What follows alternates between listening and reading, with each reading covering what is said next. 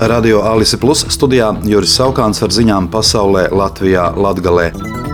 Somija šodien oficiāli kļuvusi par 31. NATO dalību valsti, noslēdzot iestāšanās procesu ar nepieciešamo dokumentu deponēšanu.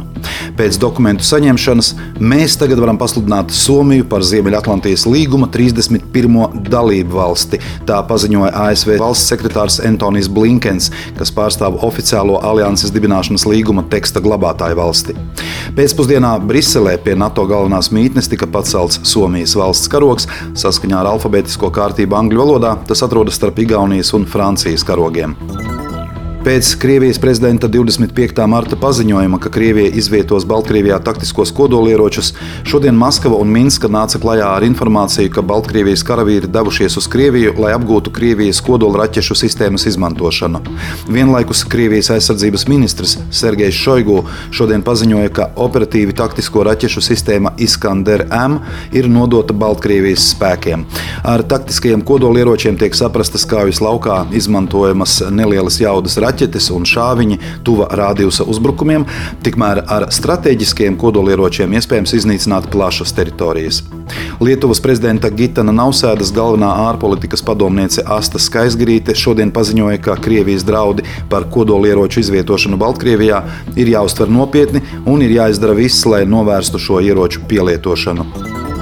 Sestdien, 8. aprīlī Latvijas vēstniecībā Gors notiks diskusija, kam jābūt, ka būtu ite ar jauniešiem par to, kam jābūt, lai jaunieši gribētu dzīvot Latvijā, informēja Latviešu kultūras kustības Volūda projektu aktivitāšu koordinātore Dagnija Dudarjonoka.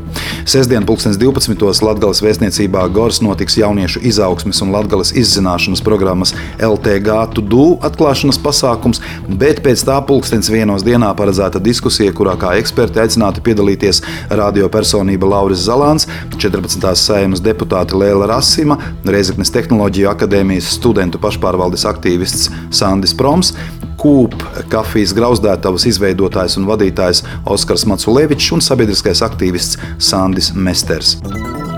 Augstdaugavas novadā turpina paaugstināties ūdens līmenis Daugavā, informē pašvaldības izpildirektors Pēteris Zalbe. Sventes pagastā pirmdienas rītā no aplūdušā teritorijā esošas mājas evakuēti trīs cilvēki. Kopš vakardienas paaugstinoties ūdens līmenim, Sventes pagastā slēgti vēl pieci pašvaldības ceļi. Kopumā Sventes pagastā no pārējās pasaules ūdens nošķīris 17 mājas, bet Pilskalnis pagastā 9.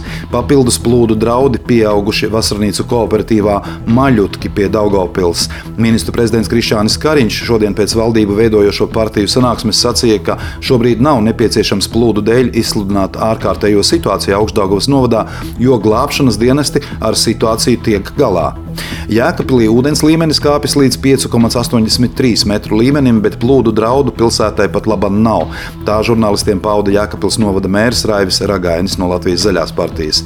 Tiesa gan Dunavā un Dignājā ir pārplūduši ceļi, ir mājsaimniecības, kas nogrieztas no ārpasaules, un šīm mājsaimniecībām tiek gatavotas un piegādās pārtikas pakas ziņu apskatu pasaulē, Latvijā, Latvijā veidoja Radio Alise Plus informācijas un ziņu dienests ar Sabiedrības integrācijas fonda atbalstu. Radio Alise Plus studijā bija Juris Saukāns.